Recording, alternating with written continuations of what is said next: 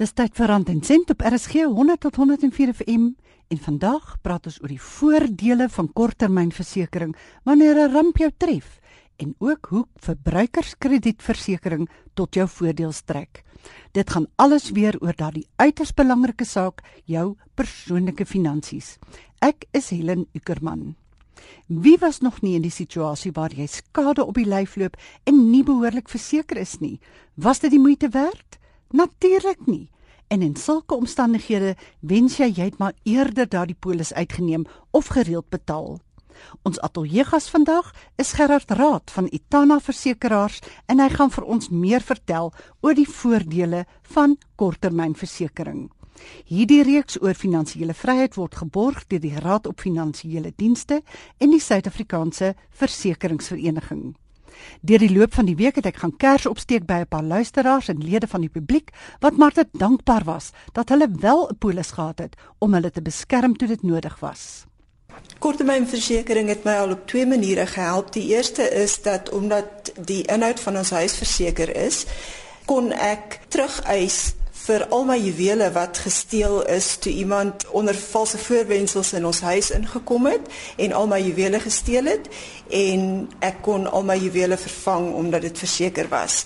Ons het ook gespesifiseerde items wat verseker is en dit beteken dat enige iets wat met die items gebeur gedek is. My man het al op twee geleenthede 'n kamera en 'n lens kon vervang met dieselfde kwaliteit wat hy voorheen gehad het omdat in een geval die kamera is gesteel en die lens dat iets daarmee verkeerd gegaan terwyl ons met vakansie was en hy kon dit vervang. Vir my is dit 'n goeie ding omdat ek ons kar se paar jaar gelede gesteel.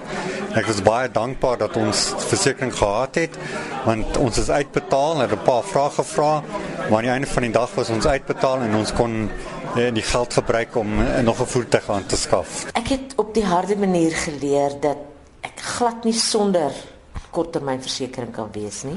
Ek het byvoorbeeld in 1 maand 4 huisbrake gehad waar na die 4de inbraak ek geen klere oor gehad het nie. My huis was gestroop van enige kos. En was nie vir versekerings nie, weet ek nie wat ek sou gedoen het nie. Ek het ook die ongelukke gehad van 4 voertuie wat gesteel was. 3 is teruggevind, maar al die skade is deur die versekerings herstel. Ek het ook twee redelike ernstige motorongelukke gehad. Al twee voertuie was afgeskryf en dit is vervang. Dit was Marina Pearson van Edenville, Greg Smit van Kaapstad en Tia Aboot van Randburg. Voor ons Gerard aan die woord stel, luister ons eers na vandag se drama As jou skip inkom, episode 23 in ons reeks oor finansiële vryheid. Kom ons luister hoe kuier Astrid, Jacques en Beverly in die kantien oor daardie skip wat ingekom het.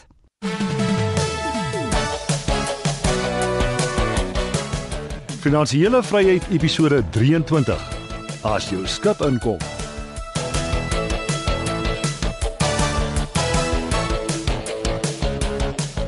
Sou kon doen met 'n miljoen. Ja, ek sou myself met net 6 nulle kon versoen. Ja, ek sou kon doen met 'n miljoen. ek sou ook kon doen met 'n miljoen. Wat het met jou gebeur? Jacques, as jy nie so ver gesit het nie, het ek jou nou sommer 'n soen gegee.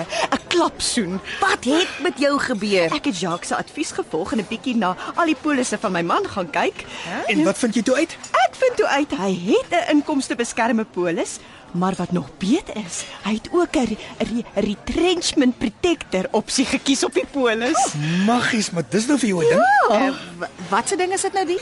Daar is 'n Nee nee nee nee, nee wag, Jacques. Ek wil hierdie een verduidelik want ek weet nou alles van die polis. Ah, ek het nie gedink die dag sal kom waar Jacques bietjie kompetisie het nie. wat se kompetisie? Ek het gesien daai vrou wat in jou departement werk, kyk jy met sulke verliefde oogies aan. Wat se vrou? Ja, hoekom stel jy belang, Ja? Ag, dit is altyd lekker om te weet iemand hou van jou. Niks fout met kompetisie nie.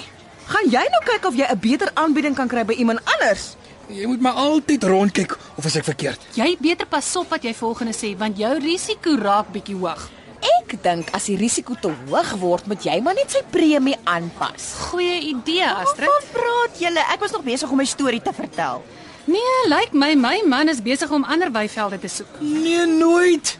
Ek het net oë vir jou, my liefie. Wel, op die oomblik het ek net oor vir my man se afdankingspolis. Dit klink na goeie nuus. Ja, baie. Hy het so 'n paar jaar gelede die afdankingsbeskermerpolis uitgeneem. Jy weet, toe al die groot maatskappye van hulle oortollige werkers begin ontslaa raak het. So baie mense verloor hulle werk op die manier. Oef, ek weet nie wat ek sal doen as dit met my moet gebeur nie. Nou kan jy teen afdanking verseker wees. Hulle gaan vir 6 maande sy salaris dek. Dit gee hom nou 'n lekker tyd om 'n nuwe werk te probeer kry. Ja, 6 maande, dis nogal iets, né? Mhm. 6 maande? Huh, Miskien moet ek ook nou so 'n polis kry dan bedank ek my werk en gaan hou 'n bietjie vakansie in Phuket. Nee nee nee, dit werk nie so nie. Die polis is net vir wanneer jy afgedank word. Nie as jy jou werk bedank nie. Jy en jou planne, Astrid. Miskien moet jy seker maak jy lees die fynskrif op jou polisdokument. Wat sal seker help. Nou wat as jou man werk kry en dan weer gefyer word? Wel, dan skei ek hom. Nee nee nee nee, ek spot net sommer. Ek ag ek is nie seker nie. Hier kan ek help. En ek tog ek sit vir jou ore aan as dit kom by die afdankingspolis. Ai Esther, dis maar moeilik om vir Jacques ore aan te sit. Dan moet ek nou self so sê. Wat jy waar kry? Ek sit gereeld vir Jacques ore aan. Dit is wat jy dink. Ag skat, glo my wat jy wil. Om terug te kom by jou vraag, Esther. Mm -hmm. Gewoonlik dek die polis jou vir die tweede keer wat jy afgedank word ook. Dit moet net na 24 maande wees na jy jou nuwe werk begin het.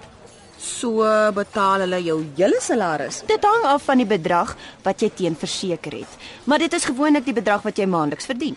Dit is hoekom dit so belangrik is om hulle in kennis te stel as jy jou werk verander of posisie verander of as jy 'n verhoging kry. Maar wanneer kry ons nou weer verhoging? Dit is hoogtyd dat hulle my begin betaal wat ek werd is. Jy dink jy word te min betaal. Jy moet my salaris sien. Gelukkig het jy nou vir jou 'n ryk man gevang. Van wie praat jy nou? Ek is nie ryk nie. Net slim as dit by geld sake kom. En vroumense. Dan is ek nie slim nie. Wat? Ek het net goeie smaak. Ah, ek sal moet saamstem.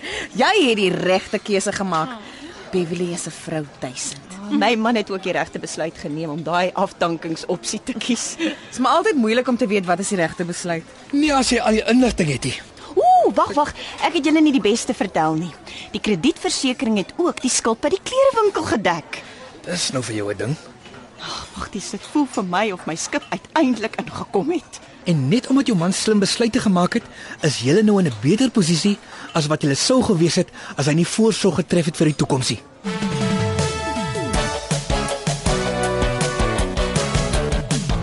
Finansiële vryheid is 'n verbruikersopvoedingsprojek en word aangebied deur die lede van SAIA.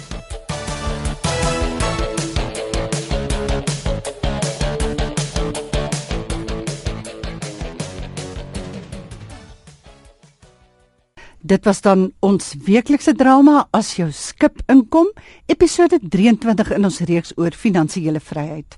Gerard, jy was nou al verskeie kere hier by ons in die ateljee en vandag maak ons weer so. Baie welkom by ons. Baie dankie Helen en 'n hartlike verwelkoming aan al ons spesiale RSG luisteraars.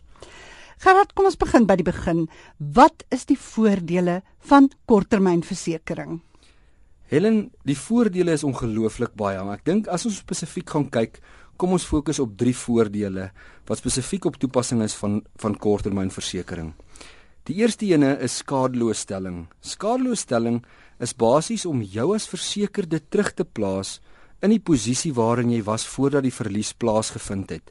Met ander woorde, jy kan nie 'n wins gaan maak na 'n verlies plaasgevind het nie. Jy moet in presies dieselfde posisie wees, nie beter nie en ook nie slegter af nie.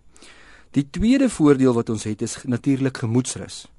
Veral met groot verliese waar byvoorbeeld 'n huis kan afbrand of jou dier motor in 'n ongeluk beskadig kan word, kan jy werklik daai finansiële verlies ly indien suits kan iets suits met jou sou gebeur het. En dan derdens, een van die belangrikste voordele van korttermynversekering sal ek sê, is natuurlik die aanspreeklikheidsfaktor. In sekere gevalle waar jy verantwoordelik gehou kan word deur 'n derde party waar jy dalk skuldig was in die geval van 'n ongeluk of in die geval waar iemand seer kry en hulle jou dan verantwoordelik kan hou vir 'n paar miljoen rand of vir 'n paar honderde duisende rande en natuurlik indien jy nie versekerings het nie sal jy nie kan eis op jou aanspreeklikheidsgedeelte van jou polis nie. Nou Gerard, ons het vroeër in die program geluister na drie luisteraars wat vir ons vertel het hoekom hulle tog so bly is. Hulle het wel versekerings gehad en dat hulle ook nooit weer daarsonder sal gaan nie nadat hulle nou motors gestamp het en en kameras gesteel het. En dit is die soort van korttermynversekering waarvan jy nou gepraat het. Maar wat van verbruikerskredietversekering? Hoekom is dit so voordelig? Dieselfde geld is eh, soortgelyk aan korttermynversekering bied kredietversekering beskerming in die geval waar jy as verbruiker nie in staat is om jou maandelikse verbintenisse na te kan kom nie. Soos byvoorbeeld indien jy afgeles sou sou wees van jou werk of in Engels retrench sou word, tydelike ongeskiktheid, algehele ongeskiktheid en dan natuurlik dood. Solank dit net nie spesifiek uitgesluit word op jou polis nie, kan jy as verbruiker die voordele geniet en dit gebruik om jou verpligtinge elke maand na te kom indien jy dit sou uitgeneem het. Gerard, ons het nou al voorheen op hierdie program gepraat oor 'n uh, eh, verbruikerskredietversekering, maar ek wil tog weer aan 'n paar punte daarvan raak. Baie mense verloor hulle werk of is al jare werkloos. Nou, hoe lank kan 'n mens verbruikerskredietversekering eis of betaal dit altyd die hele uitstaande bedrag van items wat 'n mens op skuld gekoop het? Helen, dit hang weer eens af van presies watter soort dekking uitgeneem is en wat die eiser se spesifieke rede vir 'n eis is. Die heel belangrikste is om te bevestig wat is gedek en wat is nie gedek nie. Meeste van hierdie polisse maak voorsiening om jou paemente vir 'n sekere periode te betaal en sommige polisse betaal alle uitstaande skulde terwyl ander net aan tydperke gekoppel word. Wat ons as luisteraars egter moet onthou, is dat hierdie polisse nie dekking bied vir wanneer jy self sou bedank en ook nie as jy regverdig afgedank sou word nie. Maak dus weer eens seker watter dekking geniet jy en wanneer jy wel kan eis en wanneer nie. Kan jy dalk net bietjie uitbrei op wat dit beteken om regverdig afgedank te word? Ellen, ons lewe in 'n era waar arbeidsaangeleenthede nogal redelik maklik aangespreek kan word en daar's soveel prosesse en prosedures in plek rakende dit. As ons praat van regverdig afgelê kan word, praat ons van normale soos wat die wet op basiese diensvoorwaardes bepaal, afgelê kan word deurdat sekere dinge nie nagekom is en so voorts nie. Met ander woorde, jy het nie jou normale werk gedoen wat van jou verwag word nie en daarom sal jy nie op so 'n polis kan eis nie. Dit is slegs daar gestel hierdie tipe polisse vir die persoon wat as ek in Engels mag noem geretrench word of dan andersins vir persone wat ongeskik of tydelik ongeskik sou word en vir 'n sekere periode nie inkomste kan verdien om hulle verpligtinge na te kan kom nie. Is dit moontlik om skuld aan te gaan op 'n stel meubels of klere of enige krediet wat jy wil aangaan sonder om kredietbeskerming te kry? Baie goeie vraag Helen. Daardie besluit hang van die kredietverlener af.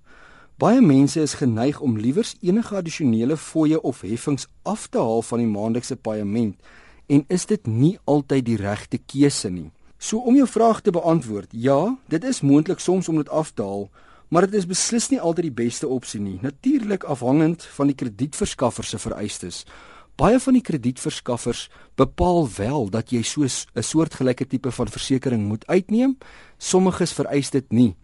Wat ek altyd vir ons kliënte sê is gaan kyk altyd weer eens het jy die nodige dekking in plek alvorens jy nie so iets aanvaar nie. Met ander woorde, wat sal die impak wees indien jy 'n eis so eis moet insit?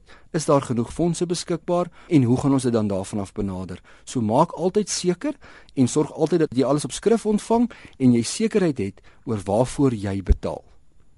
As jy nou pas ingeskakel het, jy luister na Rand en Sent met Helen en ons praat met Gerard Raad van Itana Versekering. Gerard, hoe nou gemaak met ander soorte krediet? Noodsaakliker krediet wat 'n mens elke maand aangaan, soos jou water en ligte rekening. Ons betaal dit tog nie almal vooraf nie. Word dit dieselfde beskou as kredietaankope by winkels byvoorbeeld? Nee, uh, Helen, normale maandelikse uitgawes word nie deur hierdie tipe polisse gedek nie. Tensy die verbruiker self 'n addisionele polis gaan uitneem en dit spesifiek aanwend vir die doel indien hy sou ongeskik of dood of dan tydelik ongeskik verklaar sou word. Kredietversekering bied egter net dekking vir vooraf bepaalde krediet en nie normale daaglikse uitgawes nie. Dit is 'n heeltemal 'n ander tipe lewenspolis wat jy moet gaan uitneem om jou die dekking te verleen in die geval van ongeskik of dood of dan nou tydelik ongeskik. Ons praat nou oor die voordele van korttermynversekering, maar lyk my baie mense is nie eens bewus daarvan dat hulle 'n soort versekering soos kredietversekering het nie. Wat is dan die vraag wat mense moet vra wanneer hulle iets op krediet gaan koop? Een van die mees algemeenste misverstande gebeur wanneer mense iets op krediet koop. Hulle nie altyd bevestig of hulle premie wel voorsiening maak vir sulke dekking al dan nie. In die geval van 'n eis is hulle soms nie eens bewus dat hulle die nodige dekking in plek het om sodanige skulde te kan aflos nie. Hulle moet die volgende vraag beantwoord: Kan ek dit bekostig heel eerstens? Tweedens, kan my fam familie die verpligting nakom as iets met my gebeur? Het sy ongeskik of dood? En het ek genoeg versekerings in plek in geval van dood om alle uitstaande skulde te kan vereffen? Daai drie is die belangrikste vrae wat jy moet afvra in so 'n tipe geval. Nou as jou antwoord op daardie vraag nee is, wat is die gevolge dan? Die eerste gedeelte Helen wat ek sal sê as die mense dit die antwoord nee is, is werklik om te gaan sit en te gaan bepaal wat is jou behoeftes en met iemand te gaan gesels en dat hulle vir jou 'n ordentlike ontleding kan gaan doen op jou eie spesifieke risikoprofiel. Gaan praat met gekwalifiseerde mense daar buitekant. Het sy 'n makelaar, het sy 'n versekeraar, persone wat vir jou die nodige kundige finansiële advies kan gee sodat jy die regte besluit op die regte tyd kan neem alvorens jy dalk 'n groterige transaksie sou aangaan. En natuurlik as die antwoord nee is, beteken dit ook dat jou gesin of jou naasbestaandes dan nou nie die voordele gaan trek van versekerings nie. Want wat gebeur dan met die uitstaande bedrag? Ellen weer eens, as ons gaan vat na kredietlewensversekering en normale lewensversekering is daar 'n verskil tussen die twee. Kredietlewensversekering dek basies die krediet wat aan jou verleen is en jou normale lewensversekering dek die gedeelte wat jou lewe verseker of dan spesiale koms gebruik het as ongeskiktheid en dan natuurlik dood. So eerstens wat jy moet gaan bepaal is, is daar genoeg voorsiening gemaak op jou lewe lewenskant? Is daar 'n ordentlike finansiële ontleding deur 'n gekwalifiseerde makelaar of 'n versekeraar dan gedoen wat jou spesifieke risikobehoeftes aanspreek alvorens jy die produk teen 'n krediet sou aankoop? Indien dit nie die geval is nie en jy iets se oorkom in die tussentyd, sal ek aanbeveel om liewers kredietlewensversekering uit te neem om seker te maak dat jou familie nie aan die einde van die dag moet sukkel om daai uitstaande uh, skulde dan te delg al dan nie indien daar nie voorsiening gemaak is aan die lewenskant nie. Jy's by Rand en Sint, ek is Helen en jy luister na RSG 100 tot 104 FM. Ons praat met Gerard Raad van Etana Versekeraars oor die voordele van korttermyn en kredietversekering vir verbruikers. Gerard, die ding wat ek baie hoor is dat baie mense eenvoudig nie korttermynversekering kan bekostig nie. Wat is jou mening daaroor? Helen glad nie slim nie. Die een of ander tyd gaan skade of diefstal toeslaan en dan het baie mense eenvoudig nie die nodige kontant om die beskadigde of gesteelde goedere te vervang nie gaan liewers elke maand en betaal daai klein bedragie om jouself skadeloos te kan stel. Gaan jy liewerster sonder jou TV of jou motor kan klaarkom indien jy nie die versekeringspolis uitgeneem het nie. As ons die twee teen mekaar opweeg as jy 'n motor ry teenoor 'n klein karretjie, dan maak dit absoluut sin om liewers daai risiko af te dek. Of in dieselfde geval weer eens op 'n ou voorbeeld van ons, wat as jou huis afbrand? Ons almal weet 'n huis kan jou 'n paar honderde duisende rande, partykeer selfs miljoene rande beloop. En indien jy nie nodig verseker is op daai huis nie, gaan dit jou jare vat om te herstel uit daai finansiële posisie uit en net weer terug te kom in die posisie waarin jy was voordat die verlies plaasgevind het. Wat ek hoor by jou Gerard is dat as jy nie versekerings het nie, dan kan dit eintlik jou lewensdrome heeltemal in die wiele ry. Absoluut, absoluut Helen. Ek dink dit is versekerings is een van die belangrikste paemente wat 'n mens elke maand betaal en baie min mense besef werklik wat is die waarde van versekerings. As 'n mens gaan kyk na normale aanspreeklikheidstipe eise, daar's mense wat kan seer kry in jou op jou eiendom op jou perseel. Jy kan verantwoordelik gehou word. Jy kan hof toe gaan. Die oomblik as jy versekerings het, dan het jy die hulp van 'n versekeraar wat jou gaan bystaan met die nodige advies, kundigheid en natuurlik 'n versekerde bedrag wat jou kan help indien jy skuldig bevind word in 'n aanspreeklikheidstipe eis as 'n voorbeeld. Ons het deesdae almal 'n goeie kredietrekord nodig om meer krediet te kan aangaan. As 'n mens jou korttermyn versekeringspremies gereeld betaal, maak dit dan 'n verskil in jou kredietrekord ook? In vandag se era waarin ons leef, Helen, tel alle gereelde betalings op jou kredietrekord. Dit het ook 'n impak op jou risikoprofiel by sommige versekerings. So ja, dit is definitief belangrik om jou premie te betaal. Weereens, indien jy nie jou premie betaal nie, geniet jy nie daai dekking nie en dis normaalweg wanneer mens probleme kan optel. Die voordele van korttermynversekering is dis duidelik, maar as jy nou gaan kyk na die soorte polisse wat beskikbaar is, waarna moet 'n mens oplet? Hoe weet jy watter polis is reg vir jou? Helen, ons kan baie lank gesels oor al die tipe dekkings wat heidaglik beskikbaar is vir ons luisteraars. Ek dink die belangrikste waarna ons moet gaan kyk is na jou unieke risikoprofiel. As ons gaan kyk na die verskillende produkte, gaan ons werklik waar 'n tipe versekering vir elke tipe behoefte kan aanspreek. Ek gaan net so 'n paar uitlig net om vir ons luisteraars 'n baie goeie voorbeeld te gee van wat is werklik beskikbaar. Die eerste gedeelte op is ons persoonlike lynekant, dis vir ons normale salaristrekkers. Ons dag tot dag, ons ry vanoggend werk toe, ons gaan vanaand weer terug huis toe. Dit is 'n tipe dekking wat jou sal skadeloos stel in jou tipe lyn van werk wat jy doen. Nou wil ek graag weer eens die luisteraars net daarop let dat indien ek byvoorbeeld 'n bemarker sou wees vir 'n maatskappy en ek het 'n persoonlike polis, is dit bitter belangrik om te noem dat ek byvoorbeeld my voertuig wat op my persoonlike polis verseker is, wel opgesit het vir besigheidsgebruik. Ons het al soveel gevalle gehad waar daar eise plaasgevind het waar kliënte die die voertuie spesifiek vir besigheidsdoeleindes gebruik was en dan het daar 'n ongeluk plaasgevind en dan aan die einde van die dag was daar moeilikheid gewees rakende die werklike gebruik van die voertuig waar dit indien dit net reg gespesifiseer sou wees op die polis daar geen probleme sou gewees het in die geval van 'n eis nie. Dan gaan kyk ons na normale kommersiële tipe besighede. Dit is ons restaurante, ons winkels, enige tipe kommersiële risiko. Nou die beste van dit is is om met 'n gekwalifiseerde versekeraar te praat of dan met 'n makelaar te gesels oor die verskillende opsies beskikbaar.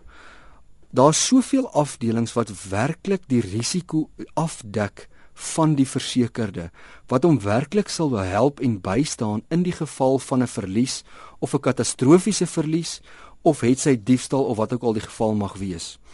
Dan kry ons nou natuurlik jou spesialismarkte wat baie wyd is, byvoorbeeld direkteursanspreeklikheid en offisieraanspreeklikheid. In vandag se lewe is daar baie besluitneming wat gedoen moet word deur hoë profiel mense, deur bestuurders ensovoorts en baie van daai besluite kan 'n negatiewe impak hê op jou besigheid en dit kan finansiële verlies tot gevolg hê vir sekere maatskappye en dit is ook versekerbaar by sekere instansies. Dan gaan kyk ons na jou agri-tipe risiko's. Jou agri-tipe risiko's is jou boere persone wat in die agri of agri verwante tipe produkte het of modelle voertuie gebruik. Dit is basies die agri ouens, die ouens wat op die plase bly. Ek kan nie 'n agri polis vir iemand dalk wat in in die middel van 'n plot dalk in die middel van 'n stad kan ons dalk nie uitneem nie, maar wel die fokus is is om die produsent dan te skadeloos te kan stel in so 'n tipe polis. Dan kry ons ingenieurspolisse. Dis baie ba word baie gebruik veral op die kontrakteurs, veral in die boubedryf vir die persone wat waarborge moet lewer aan sekere instansies voordat hulle begin mag bou, indien daar aanspreeklikheidseise sou plaasvind. En dan het ons die vervoersektor ook wat 'n heeltemal 'n unieke polis ook is. As ons gaan kyk na die vervoersektor wat ons ook ondervind op die in die vervoersektor is daar's baie van ons versekerdes wat hulle voertuie gebruik op kontrakbasis om vervoerwerk te doen, het sy van een plek na die volgende plek toe. En hy verseker dit as ek 'n voorbeeld kan gebruik, byvoorbeeld die, op die agripolisse, gebruik van ons boere heidaglik hulle voertuie om beeste sê nou maar te vervoer van die veilingskrale af na die buurman se plaas toe op vergoeding. Nou dit is niks anders as 'n vervoerpolis nie. So mense moet baie versigtig wees. Dis absoluut noodsaaklik om met iemand te gesels wat spesifiek die toegang het tot sulke tipe polisse of produkte wat jou sal help en sal bystaan in die geval van 'n eis dat jy sekerheid het dat jou eis sal uitbetaal. So dit is baie belangrik om met iemand te kan gesels en vir hom te vra, dit is wat my unieke risikobehoeftes is. Hoe gaan ek die behoeftes aanspreek en hoe gaan ek my risiko afdek? Dat indien ek julle nodig het, dat julle daar moet wees vir my. Ons praat nou so van risiko en risikoprofiele. Watter invloed het 'n mens se risikoprofiel op die premie wat jy uiteindelik gaan betaal, Gerard? Helen, dit is 'n baie interessante vraag en ek dink die mense vra dit gedurig. Ek het al soveel gevalle gehoor waar iemand gesê het, "Hoorie, maar my buurman ry dieselfde kar as ek en sy premie is R200 goedkoper as ek." Jou risikoprofiel bepaal basies die moontlikheid dat daar wel 'n eis mag plaasvind. As ons twee soortgelyke persone vat, kom ons sê albei is in, in hulle 40s jaar oud, albei is ewe oud. Die een woon dalk in 'n groot stad en die volgende een bly dalk in 'n kleiner dorpie. As ons gaan evalueer en ons gaan kyk na die risiko, dan gaan kyk ons na die moontlikheid dat daar wel 'n eis of dan nou 'n versekerde gevaar kan of sou plaasvind. Nou ons aan natuurlik weet ons almal in die kleiner gedeeltes is jou misdaadsyfers heelwat laer, jou risiko's daar is heelwat minder. Met ander woorde, as ons dan die tarifering gaan doen en gaan kyk na sp spesifiek na die persoon wat in die kleiner dorpie bly versus die persoon wat in die groter stedelike gebied bly, gaan daar 'n wesenlike premie verskil wees. Dieselfde geld ook vir die tipe voertuie wat jy ry. Daar's voertuie wat ongelooflik baie gesteel word heidaglik en wat op aanvraag is daar buitekant. Nou, as ek 'n voorbeeld kan gebruik, ons kry vandag baie LDV's of afleweringsvoertuie en baie van hulle van dieselfde maak word gebruik op ander tipe voertuie en dit is 'n 'n voertuig wat baie meer gesteel word as die normaal. Daarom is die premies op die maak van die voertuig baie keer hoër as wat dieselfde tipe voertuig van 'n ander vervaardiger dalk mag wees. Dit gaan alles oor die moontlikheid dat daar dalk 'n eis mag plaasvind op jou spesifieke risikoprofiel. Dit was dan Gerard Raad van Itana Versekeraars oor die voordele van korttermynversekering en verbruikerskredietversekering. As dit enigstens moontlik is, betaal nou maar daardie bedrag vir jou polis elke maand. As die onheil jou tref, sal jy bitter bly wees jy het vasgebyt. Bel gerus die Sahia oproepsentrum in kantoorure by 083 913 3003 as jy verdere inligting verlang. Dit is 083 913 3003. Nou voor ons afsluit gou die volgende, julle kan my volg op Twitter by @HelenUckerman of op Facebook by Rand en Sent Helen Uckerman en hierdie program kan in MP3 formaat afgelaai word van RSG se webwerf rsg.co.za. Dit is dan nou totiens van my. Geniet die res van die middag en ons praat weer volgende week.